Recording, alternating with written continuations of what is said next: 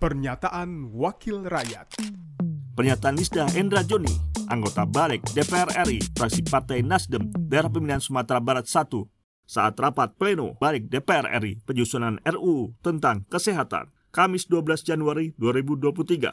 Uh, ini saya belum menemukan pasalnya, namun pimpinan dan Bapak Ibu semua, undang-undang ini dibuat tentu untuk melindungi masyarakat, untuk keberpihakan kita kepada masyarakat, dan di sinilah perlunya hadirnya undang-undang bagi masyarakat.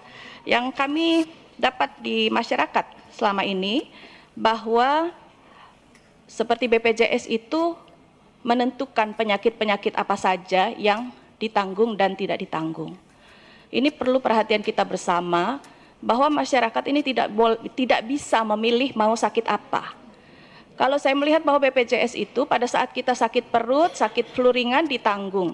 Tapi pada saat kita sakit berat, misalnya kanker dan mungkin yang lain, ini justru tidak ditanggung. Obatnya justru yang mahal itu.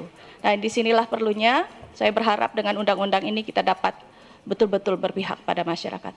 Pernyataan Lisda Endra Joni, anggota Balik DPR RI, fraksi Partai Nasdem, daerah pemilihan Sumatera Barat 1, produksi TV dan radio Parlemen, Biro Pemberitaan Parlemen Sekjen DPR RI. Pernyataan Wakil Rakyat.